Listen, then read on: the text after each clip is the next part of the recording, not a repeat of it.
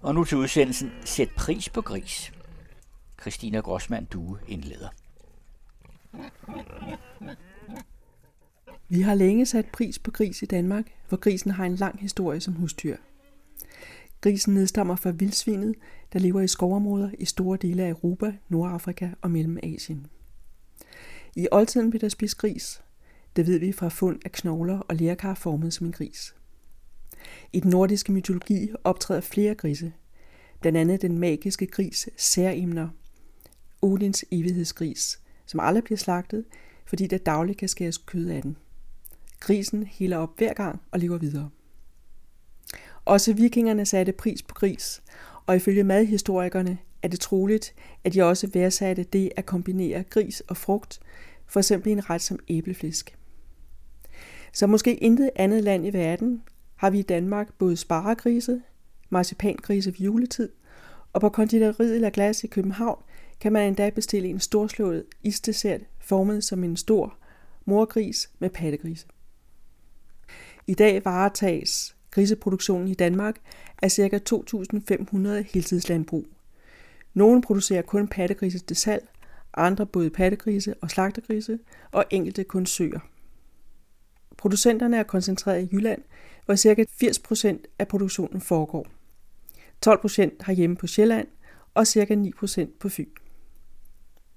Nogle af de store producenter, for eksempel selskaberne Good Valley og Rauf Group, har også en del landbrug med grise i Østeuropa. Rumænien, Slovakiet, Litauen, Polen, Ukraine og Rusland.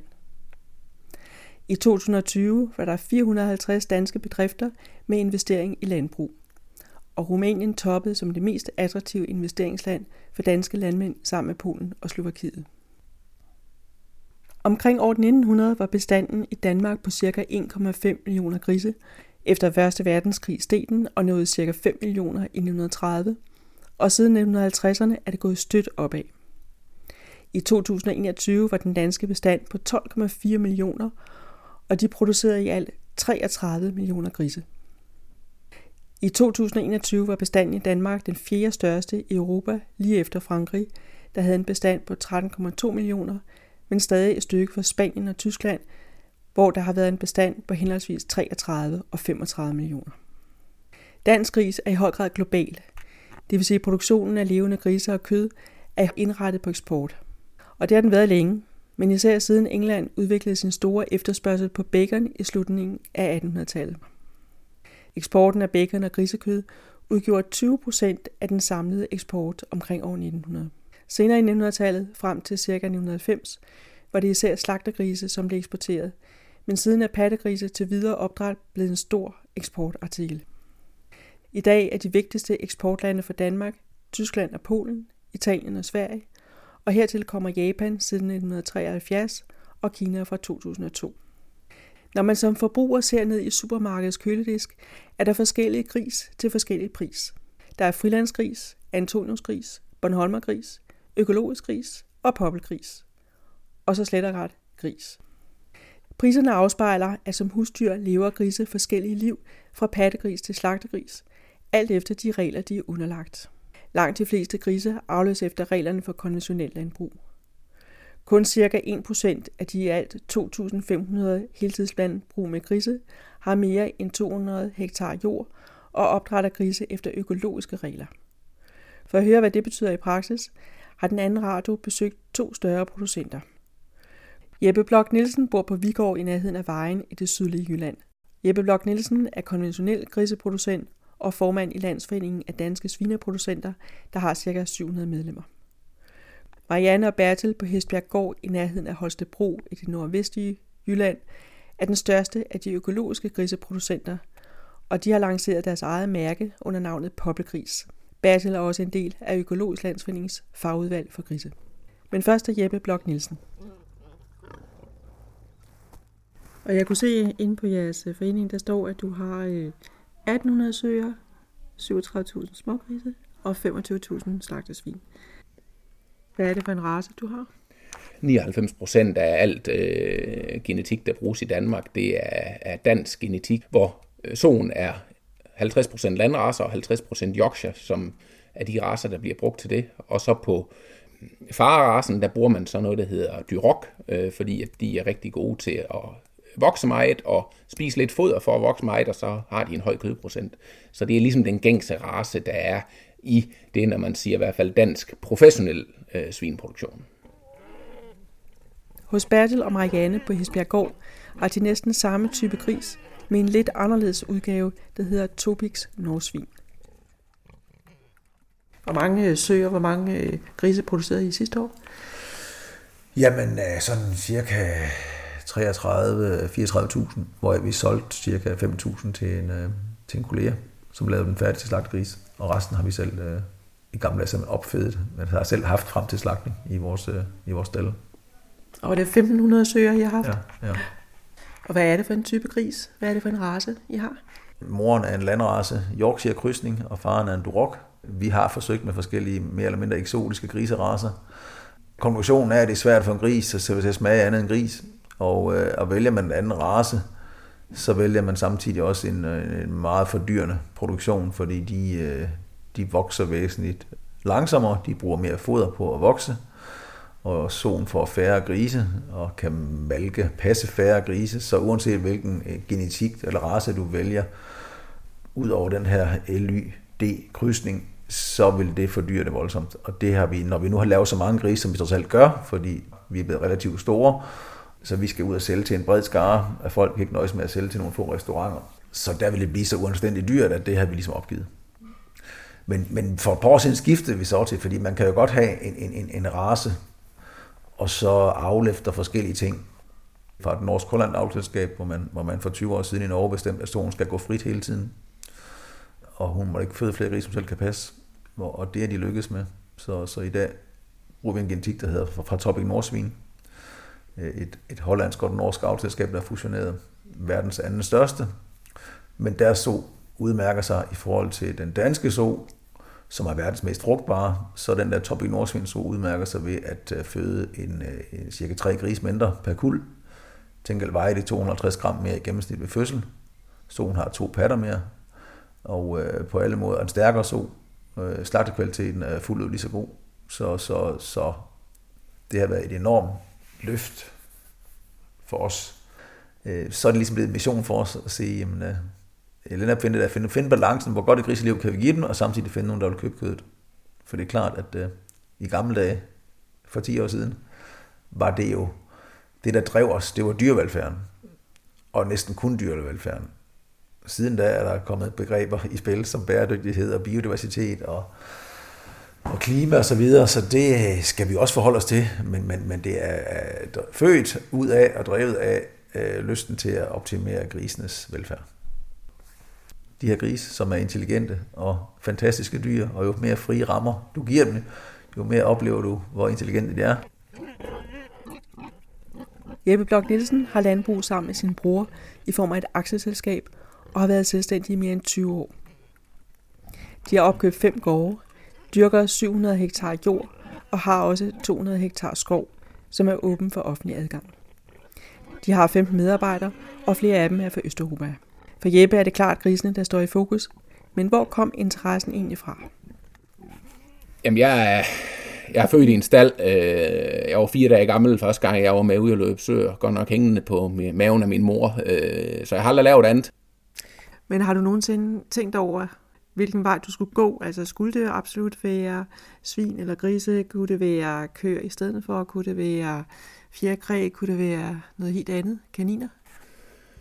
Jeg tror jeg nok, jeg er indbegrebet af gris, og det, det, for mig har det altid været gris, og så kan man se, så har vi jo også planteproduktion med. Øh, der er jeg så så heldig stillet, at det tager min bror sig af, fordi det har jeg heller ikke sådan, den, helt selv den store interesse for. Jeg interesserer mig rigtig meget for gris, fordi jeg synes, det er spændende. og Det er spændende at lykkes med den produktion, vi har. Og det kommer ikke af sig selv, så det vil sige, at vi skal blive ved med at udvikle det, og så vi skal blive ved med at være videnssøgende i at blive bedre. Så for mig har jeg aldrig været i tvivl om, at det hed gris. Vi er heller ikke sprunget med på biogasproduktion og vindmøller og lignende, fordi det er gris, vi interesserer os for. Det er det, vi synes er sjovt. Det kan være, at det andet kommer en gang, men min interesse ligger bare hovedsageligt for alt, det drejer sig om gris, fordi jeg synes, det er spændende at arbejde med. Øh, og det er spændende at få til at lykkes. Det har aldrig været noget, jeg har tænkt over. Jeg er skadet ind i det her, så, så det, jeg, jeg kan nok ikke andet, og det er der så nogen, der siger, det kan du måske godt, det, det kan godt være, men så kan man sige, det andet, jeg så gør nu, ikke, det er jo så, jeg beskæftiger med det her lidt øh, politiske, øh, og er blevet formand for danske vinproducenter, som jeg så bruger noget tid på at påvirke nogle folk øh, den vej, jo, så kan man sige. Så det, øh, er det, men, men der kan jeg jo stadigvæk falde tilbage til, det er gris, jeg har med i min værktøjskasse, når jeg kommer ud. Øh, og jeg er meget producent. Jeg kan godt lide at have beskidt fingre, jeg kan godt lide at komme i stallen. Jeg synes, det er sjovt. Og hvilke afgrøder har I? Vi øh, har øh, hovedfokus på at producere noget foder til vores gris, så vi har byg, hvede og ru, og så har vi noget øh, raps og havre. Og så har vi i nogle år forsøgt lidt med nogle hestebønder også, for at prøve at se, om vi kan lave noget protein, men vi må bare erkende, at øh, vi kan producere meget mere foder, når vi ikke lige har hestebønder, så vi har lidt outsourcet det igen, og så kan det være, at vi prøver igen om nogle år, når der er nogen, der lykkes godt med det. Øh, men igen, vi øh, går meget ud fra, at vi skal have mere ud af mindre, og ikke omvendt. På Hesbjerg Gård startede Bertil med frilandsgrise tilbage i 1995. I dag omfatter Hesbjerg Økologi et anpartsselskab, et opkøb af syv gårde og et jordtillæggende på 1000 hektar, hvis dyrkning dog er udliciteret til andre landmænd. Virksomheden har 30 medarbejdere, hvoraf en del også er fra Østeuropa, og producerer både til salg i supermarkeder, til food service og en mindre del går til eksport. Bertel og Marianne har udviklet tre mærker. Poppelgris, Bertelsgris og Måltidsboksen. Og der sælges gennem firmaet Organic Pork, som de medejer af. Husdyrvelfærd spiller en stor rolle, og Hesbjerg er med i den statslige mærkeordning i kategorien med tre hjerter. Det der valg, som, som du foretog at gå fra friland og så til økologi, og så til en version af økologi, som hedder Poppelgris, Hvordan kom det i stand? Jamen, øh, jeg lavede frilandsgris i starten, og det, der tændte mig dengang tilbage i 95 det var jo at arbejde med dyr i de her relativt frie rammer. Men når man så går fra at have en studieøkonomi med en SU, og så over til at skal drive sådan et landbrug, så finder man ud af, at det, det med tallene er jo også vigtigt. det vidste jeg godt. Men jeg var jo bange for, som frilandsgrise, som blev brand også, som ligger mellem den konventionelle og den økologiske, så var jeg bange for, at det, som, som man ofte ser, at enten så skal man producere på prisen, som den altafgørende parameter, eller også skal man producere til det mest kritiske. Og det er sådan set ligegyldigt, om det er, om det er tøjmærker, eller det er biler, eller det er tennisketcher, eller hvad pokker det er, tror jeg. Øh, jeg var i hvert fald bange for at ende i sådan et ingenmandsland med de her frilandsgrise, så derfor så tog jeg skridtet over til økologi. Jeg synes også, der var nogle spændende principper omkring økologi. Nu er det jo sådan, at, at i hvert fald for mig, så den rejse derfra at være konventionel landmand til at være økologisk, det er jo en, en dynamisk proces. Jeg er blevet mere og mere øh, bevidst om, at, øh, og glad for, at vi kan drive vores landbrug uden at, at bruge kemi og bruge meget, meget lidt antibiotika øh, øh, til at producere de her grise, fordi de har nogle rammer, hvor, hvor, de, øh, hvor de trives godt. Så jeg er blevet mere og mere økolog undervejs.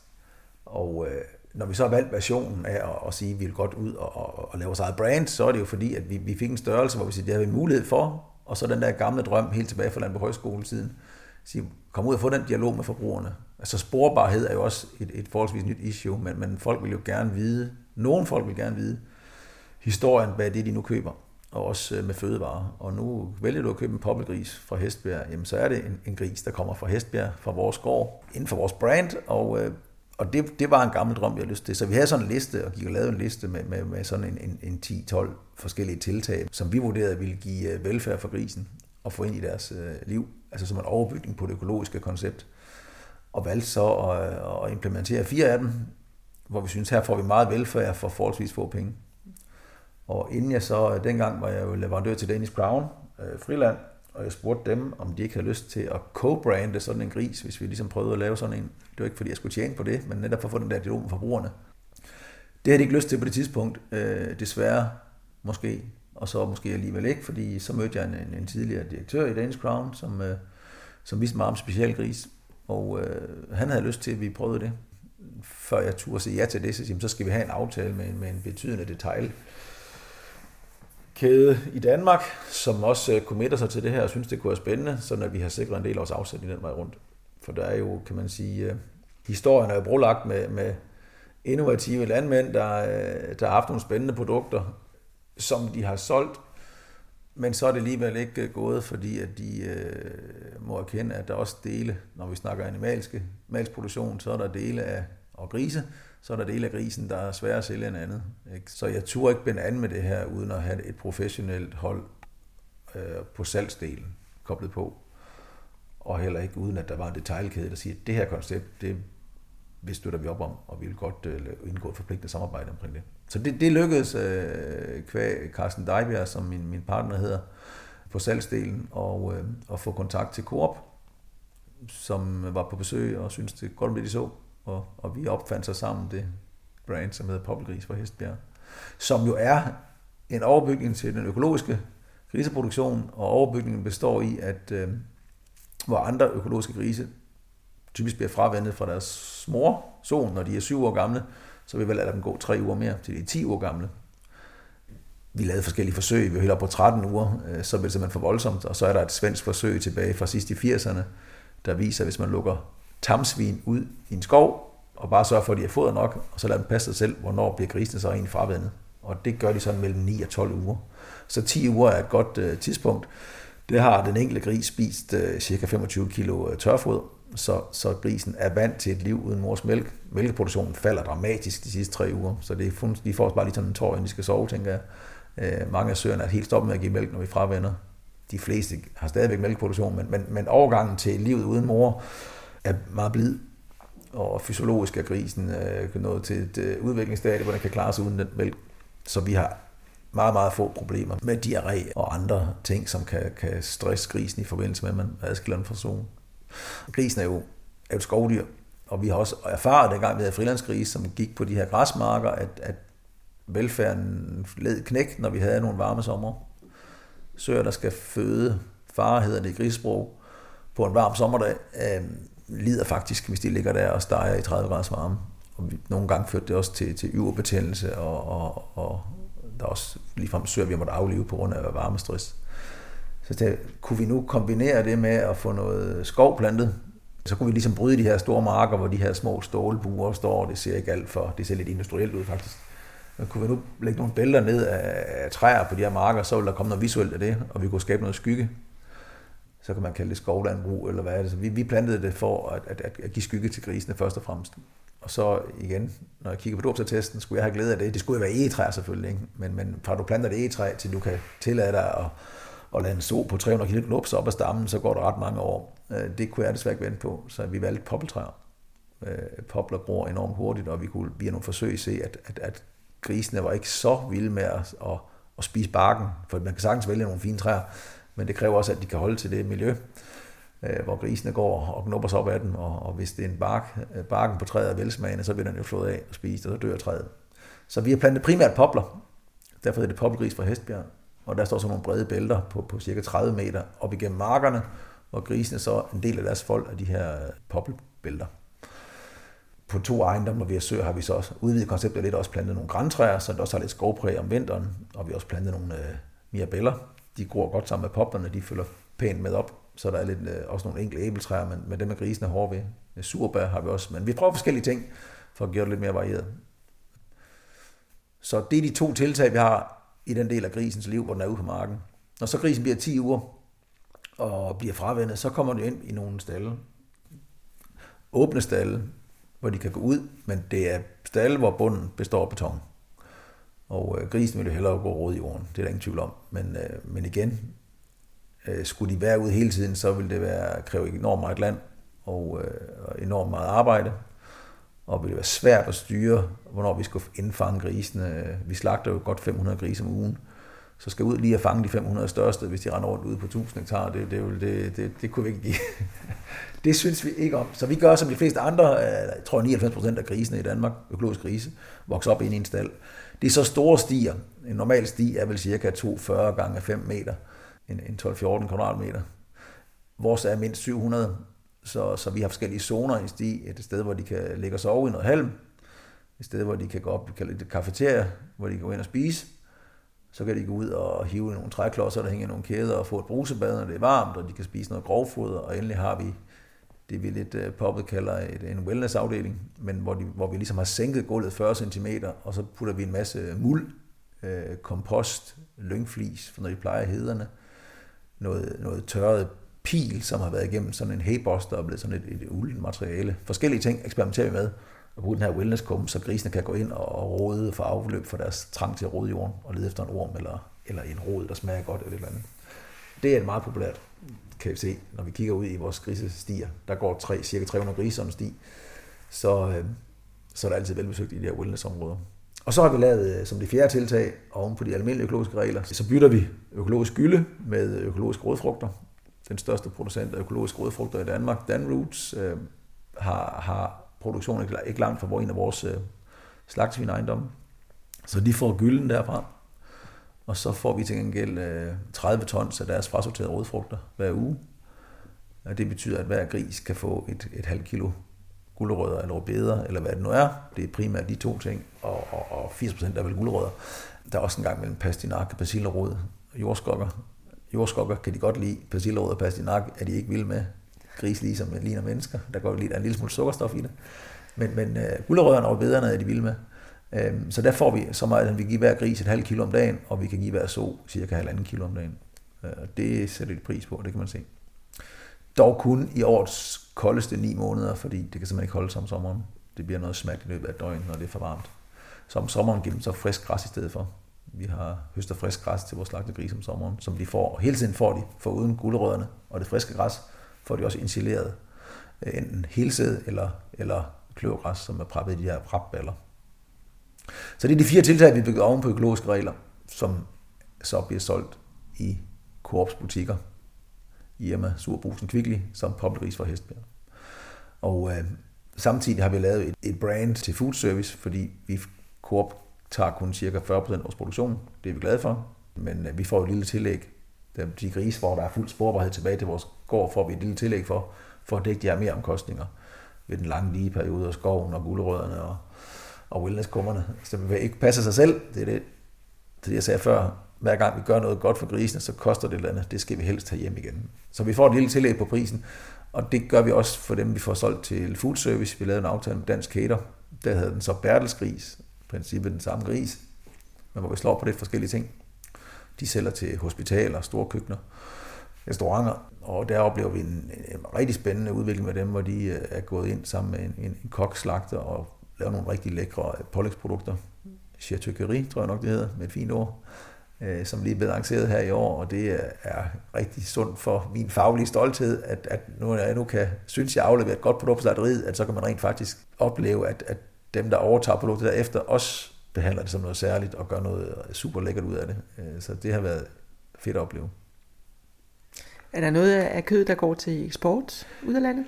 Jamen det gør det også, og det jeg sagde før, at jeg tog ikke blandt andet med sådan noget her, øh, uden at have en, øh, en marker, der ved noget om, hvordan man sælger grisekød, fordi øh, Grisetæerne skal også sælges, og halerne, og nogle af de andre øvrige udskæringer, som jo ikke, øh, vi ikke traditionelt spiser så meget i Danmark. Skinkerne også, sjov nok har vi aldrig rigtig lært at spise ret meget skinke i Danmark. Så vi sælger en del til, øh, til Frankrig og til Tyskland primært. Forskellen på konventionel og økologisk avl af grise handler om en række krav til den økologiske gris. Den økologiske gris kræver et foder, som skal være 95% økologisk, og den må ikke få medicin og antibiotika forebyggende. Grisens hale må ikke klippes af for at undgå halebid, og tænderne må kun files i nødstilfælde. Og så har en økologisk gris på 100 kg krav på minimum 2,3 kvadratmeter udendørsareal, hvor kravet til den konventionelle gris er på 0,65 kvadratmeter, og det er i indendørs staldplads. Den økologiske so føder sine unger, fare hedder det, ude på marken, og pattegrisene går sammen med deres mor i cirka 10 uger. På Hesbjerggård er markerne tilplantet med rækker af poppeltræer og sølehuller ind imellem.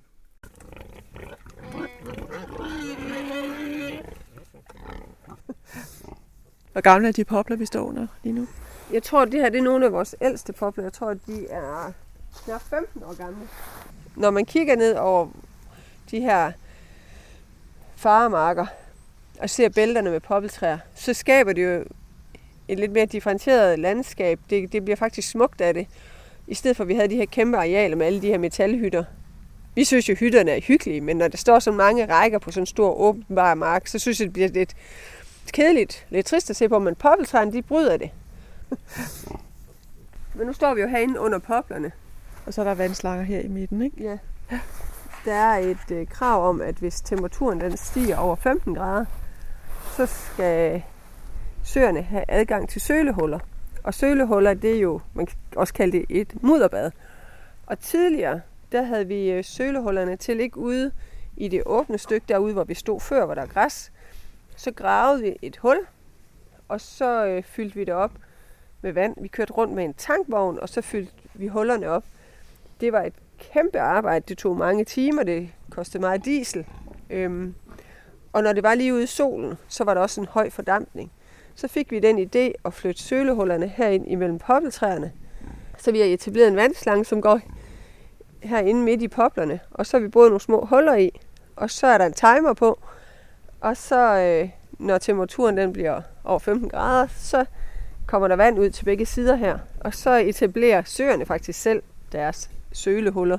Så skal vi ikke grave, så ruder de bare rundt der, hvor vandet det rammer jorden, og så bliver der et mudderhul. Og øh, det har jo den kæmpe fordel, at søerne er i skygge, og de er trygge herinde under poplerne. Og derfor sker heller ikke så stor fordampning. Så kan man godt spørge sig selv, hvorfor gjorde vi ikke det fra starten? Jamen sådan er det nok med vores økologiske produktion, at vi skal selv udvikle tingene. Der er ikke så mange, der har gjort det før os. Så vi gør det først, når vi får ideen. Er der slet ikke nogen andre øh, griseproducenter, der gør på tilsvarende måde i Danmark? Altså, der er jo andre, der har træer og så videre, men jeg har ikke set nogen, der har sådan helt på samme måde som os. Det er sådan en nicheproduktion. Det er sådan lidt en særlig måde at have gris på, vi har valgt. Men der er andre, der også har... Jeg har hørt nogen, der har set nogen, der har piletræer, og der er også nogen, der, der har eksperimenteret med andre sorter af træer. Men man kan se, når man kører forbi vores gris, så er det simpelthen kendetegnet ved, at vi har alle de her popletræer. Så vi er meget glade for de her Topic Nordsvin. De har nogle gode moderegenskaber, De er stærke og robuste dyr, og så er de meget gode at omgås.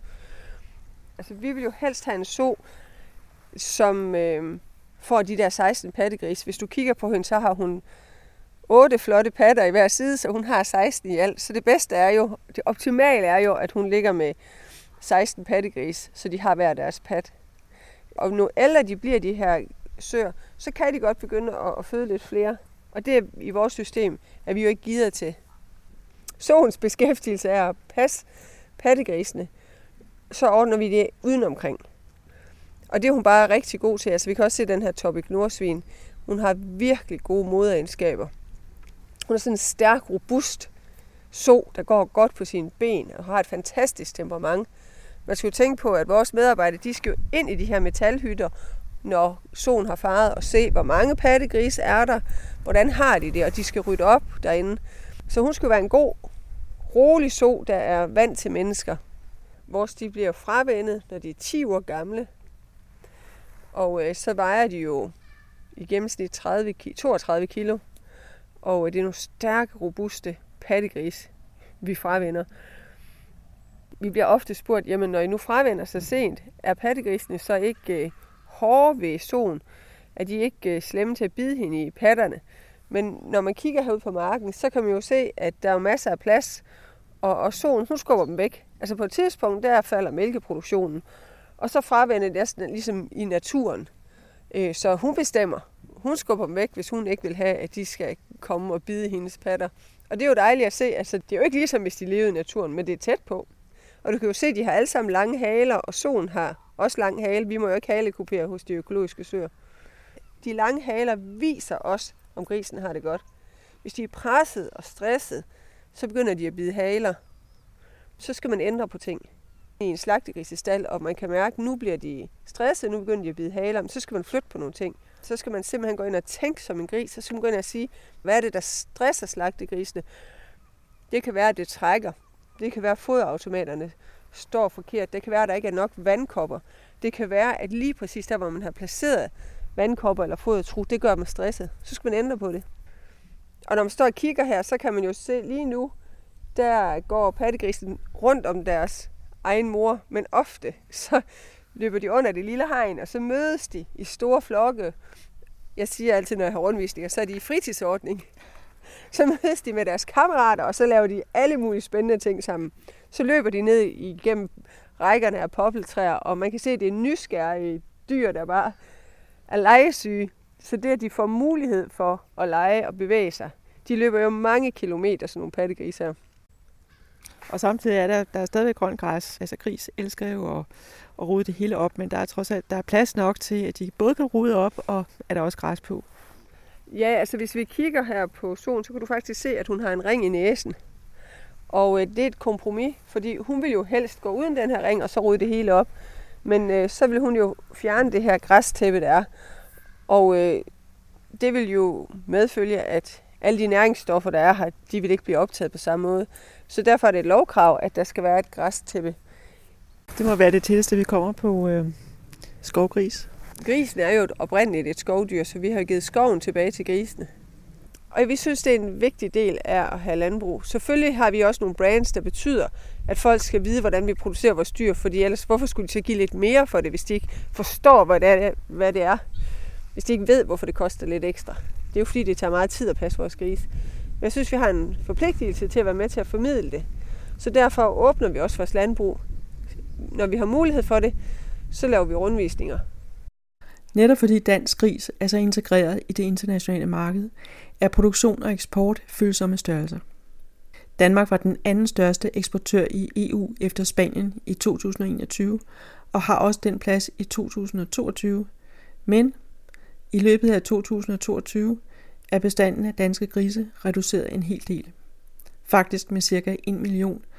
Dels som følge af svinepest i Polen og Tyskland, hvor de bremser med hensyn til indkøb af pattegrise til opfedning. Og dels har Kina og Hongkong reduceret deres import. Jeppe Blok pointerede i sommer, at i første halvdel af 2022 tabte de konventionelle producenter ca. 3 kroner per kilo produceret grisekød. At nulpunktet var 15 kroner per kilo, men at producenterne kun fik 11-12 kroner per kilo. Hvordan takler I det som producenter? Vi har de 1800 søer, øh, og de producerer så totalt set øh, lige godt og vel 60.000 smågris om året. Og så laver vi det der cirka 25.000 slagsvin under normale forhold.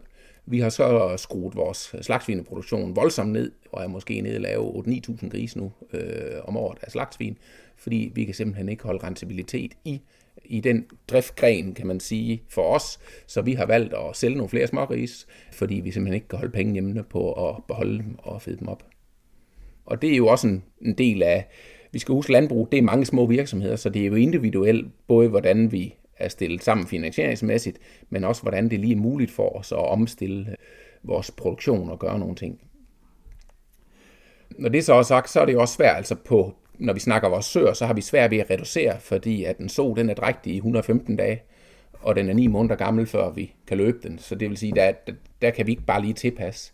Men når vi snakker på vores slagsvin, som er gris, vi sætter ind fra 30 kilo til de vejer 115-20 kilo, når de skal slagtes, det er nemmere at sige, okay, jeg sælger min gris, når den er 30 kilo, fordi så skal jeg trods alt ikke fodre den resten af perioden. Det er jo så en måde at reducere bestanden. Øh, hvad gør I ellers? Der er jo ingen tvivl om, øh, når vi er presset på økonomien, så øh, laveste fællesnævner, han stopper jo hurtigere end højeste fællesnævner, og det er jo det, der sker. Der sker jo en markedstilpasning nu i, at dem, der har været mindst effektive, de falder fra, eller der sidder også en del, der ligesom siger, at vi tror ikke på, at det at have grise i vores stald, det er rentabelt, og vi har råd til at lade den stå tom, så vælger man jo selv at sige, øh, at jamen, så, så, så stopper vi med at være, være svineproducenter, og så lever vi af vores planteproduktion for eksempel. Og så er vi jo nogen, som undertegner mig selv har, at jeg er nødt til at have min stald fuld, for ellers kan jeg ikke betale min afdrag. Så jeg har ikke noget valg i at sige, at min stald skal være fuld eller ej. Så jeg er nødt til at tro på det, og så skal jeg tro på, at jeg er dygtigst til det, jeg gør, fordi så kan man ikke sætte nogen ind i stedet for, øh, som kan gøre det bedre end mig. Så man kan sige, at det er vigtigt at have styr på sin produktion, når det går godt, men, men det er særdeles i krisetid, at vi skal være sikre på, at vi har styr på alle de ting, vi kan gøre noget ved som producenter. Så altså, vi skal sørge for, at det hele det står snor lige nu, fordi så kan vores kreditgiver heller ikke komme og pege fingre af, at vi ikke har styr på vores forretning. Vi kan ikke styre konflikt og krig og energipriser, og hvis vi kunne det, så er vi nok ikke svineproducenter. Hos Batte og Marianne på Hesbjerggård er de til en vis grad vant til op- og nedture på det økologiske marked. Når der er mange producenter og et stort udbud af økologisk grisekød, så falder prisen, og så er der nogen, der lægger om, hvorefter prisen stiger igen, men den aktuelle situation med konsekvenserne af krigen mellem Rusland og Ukraine er anderledes. Prisen på økologisk gris er nu på ca. 22 kroner per kilo, men udgifterne til produktion er steget med 100% eller mere. På Hesbjerg har de derfor valgt en radikal omstilling, herunder at reducere antallet af søer med omkring en tredjedel. Nu når der er sket det øh, i Ukraine, som har ført ja, energikrise, inflation øh, med sig, så øh, er det jo en helt ny situation. For pludselig så øh, oplever vi, at forbrugerne ligesom øh, vender op hen ved køledisken og siger, øh, nu har vi altså fået en gasregning på 4.000 mere den her måned, så dem skal vi jo have sparet et eller andet sted. Og så vælger de måske at købe en konventionel kotelet eller, eller en selleribøf i stedet for den der poppelris, de egentlig gerne vil købe eller i hvert fald før købt, øh, så, så vi oplever pludselig, at øh, vi mister en stor del af vores salg. Det afspejler sig i, at det er vi ikke det eneste oplever, øh, så det afspejler sig i, at den notering, der er gældende for økologiske almindelige grise i Danmark, hver, næsten hver uge en lang periode bliver sat ned, så vi får 5 kroner mindre for et kilo grisekød nu, end vi gjorde i maj måned for eksempel. Og hvad betyder det så? Hvad er prisen nu per kilo? Ah, 22-25 tror jeg øh, som i sig selv ikke er nogen rigtig dårlig pris, men der hvor det rigtig går galt, det er jo, at omkostningen for at fremstille den er voldsom, blevet voldsom. Det er jo fodret, som du nævnte, er blevet voldsomt dyrt. Ukraine har jo lidt været, været Europas øh, kornkammer, og øh, nu er der kommet lidt gang i en eksport deroverfra igen, men den er usikker, en lang periode var den helt, øh, helt stoppet, og øh, der har været dårlig høst i store dele af verden, øh, så, så det kan også givet pres på, på kornpriserne, og øh, og så i forvejen var der lidt en mangel, fordi at, at, at produktionen af økologiske grise og økologiske køer og økologiske kyllinger og høns har været stigende, stigende lidt mere end en tilsvarende produktion af, af, af korn, som vi fodrer den med. Så der har været lidt mangel på korn i forvejen. Så det betyder, at kornprisen er jo steget. Øh, sidste år købte jeg rigtig meget korn til 160 kroner for 100 kilo. Nu koster det 335. Øh, samtidig er hvor den protein, vi blander i, også blevet voldsomt dyr. Så, så, så det koster jo i nærheden af, af 750 kroner mere at lave en gris i dag, end det gjorde for, for et år siden. Og i de 750 kroner er de, er de 650, 656 foder. Så energi er også blevet voldsomt dyrt. El og diesel, som vi bruger noget af, og øh, ja, stål, altså alle de øvrige indsatsfaktorer, vi skal bruge for at producere, er også stedet. Så, så samlet mangler vi i forhold til sidste år, som var et godt år, 20 var et godt år, det var det også med 21 var også et rigtig godt år. Så, øh, så i forhold til, til 21, så mangler vi øh, omkring 1200 kroner per gris. Og selvom 21 var et godt år, så var det ikke sådan, at vi tjente 1200 kroner per gris. Så, så vi taber ganske mange penge nu. Det har vi prøvet før, som jeg sagde, men det, der er, er usikkert her, det er, det, jamen, skal produktionen 10% ned, eller skal den 50% ned, før at de her udbud efterspørgselskurver møder hinanden det skal nok blive okay en gang igen, men, men problemet er, når man har så mange grise, som vi har, og vi har valgt at, at basere det på indkøbt korn, hvilket jeg har været glad for i 25 år, men lige netop i år er jeg træt af. Så der er folk, der har det værre, end vi har, men, men, men rent forretningsmæssigt, så er det en tof periode lige nu. Hvor mange øh, søer, hvor mange øh, grise producerede I sidste år? Jamen, øh, sådan cirka 33-34.000, hvor vi solgte cirka 5.000 til en, til en kollega, som lavede den færdig til slagtegris og resten har vi selv øh, i gamle dage opfedet, men har selv haft frem til slagtning i vores, øh, i vores stelle. Og det er 1500 søger, I har haft? Ja, ja. Og har I afhændet nogle af dem nu? Ja, vi er ved at slagte på den ejendom. Jeg har 600 søger. Lad os tage ud på den ejendom og lade den stå tom lidt halv års tid. Og så... Vi har ikke lyst til at miste vores gode medarbejdere. Så på den ejendom er vi heldige, at der er et par elever, der alligevel stopper her til jul, så, så, så, så arbejdsstyrken bliver alligevel reduceret med, med cirka en tredjedel på en ejendom. Og så vil vi ikke lave pausen længere, end vi kan retfærdiggøre at beholde de fire øh, dygtige medarbejdere, som vi er glade for. Øh, så vi sætter i gang igen øh, næste sommer, og så samtidig vil vi så skære ned i produktionen de andre steder, så, så når vi er igennem den her, jeg kalder det en turnaround, men den her tilpasning, så ender vi med at have en, en øh, cirka, cirka 30% færre søer, end vi har i dag.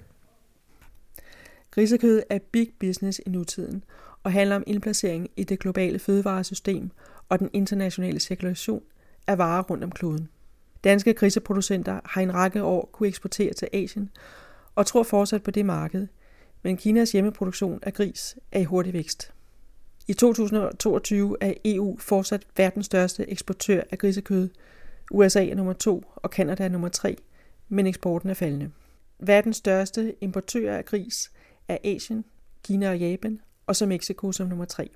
Kina indtager førerstillingen både som verdens største importør og verdens største producent af gris, og i øjeblikket opskalerer Kina kraftigt deres hjemmeproduktion. Her i 2022 er 10 ud af verdens 31 største griseselskaber kinesiske. Og hver har 1-2 millioner søer, der producerer grise.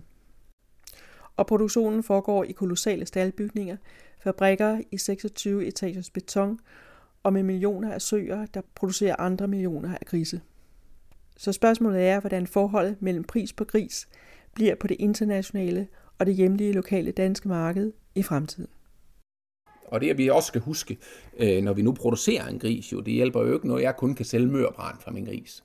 Så skal den i hvert fald være dyr. Øh, så derfor så skal vi jo også huske, når vi begynder på specialproduktion, vi skal have solgt hele grisen. For jeg kunne sagtens selv begynde at lave en specialproduktion med noget skovgris eller noget. Men mit problem, det er, at der er for få. Hvis jeg selv skal sælge en gris, så er der for få, der vil købe hele grisen. De vil gerne have flæskestegen og mørbraren og skinken.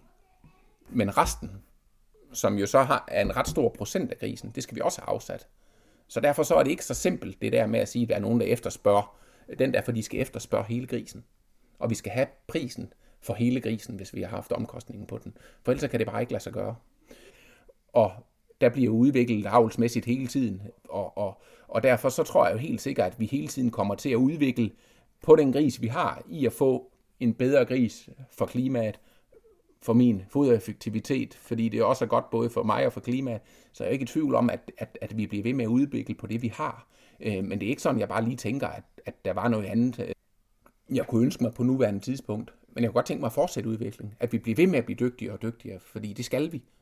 Og det skal vi både for, fordi at, at uden en effektivisering, så kan vi, får vi ikke lov at være her økonomisk i fremtiden heller. Men det bliver også en berettigelse i at være her, at vi er de bedste i verden til at producere med det lavest mulige aftryk på klimaet. Og så håber jeg, at vi i Danmark kan blive ved med at bibeholde en forholdsvis stor animalsk produktion, fordi der er behov for det, vi producerer ude i verden.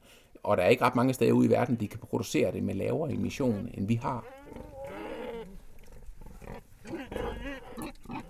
Jeg tror på, at øh, det segment, vi producerer kød til, vil stadigvæk spise kød en gang imellem, og jeg tror på, at der vil være plads til en økologisk produktion. Måske ikke meget større, end der er i dag, men, men der er nogen, der vil vælge at spise øh, en rigtig kotelet, og ikke et eller andet øh, laboratoriefremstillet. Øh, en gang imellem i hvert fald. Men at vi skal producere grise i Danmark, der skal spises i stor stil i Indonesien, eller det er måske et dårligt valg, men så et af de andre asiatiske lande, hvor der er en voldsom vækst i kødforbruget, eller Afrika, det, det virker forkert, tænker jeg. Du har lyttet til podcasten Sæt pris på gris.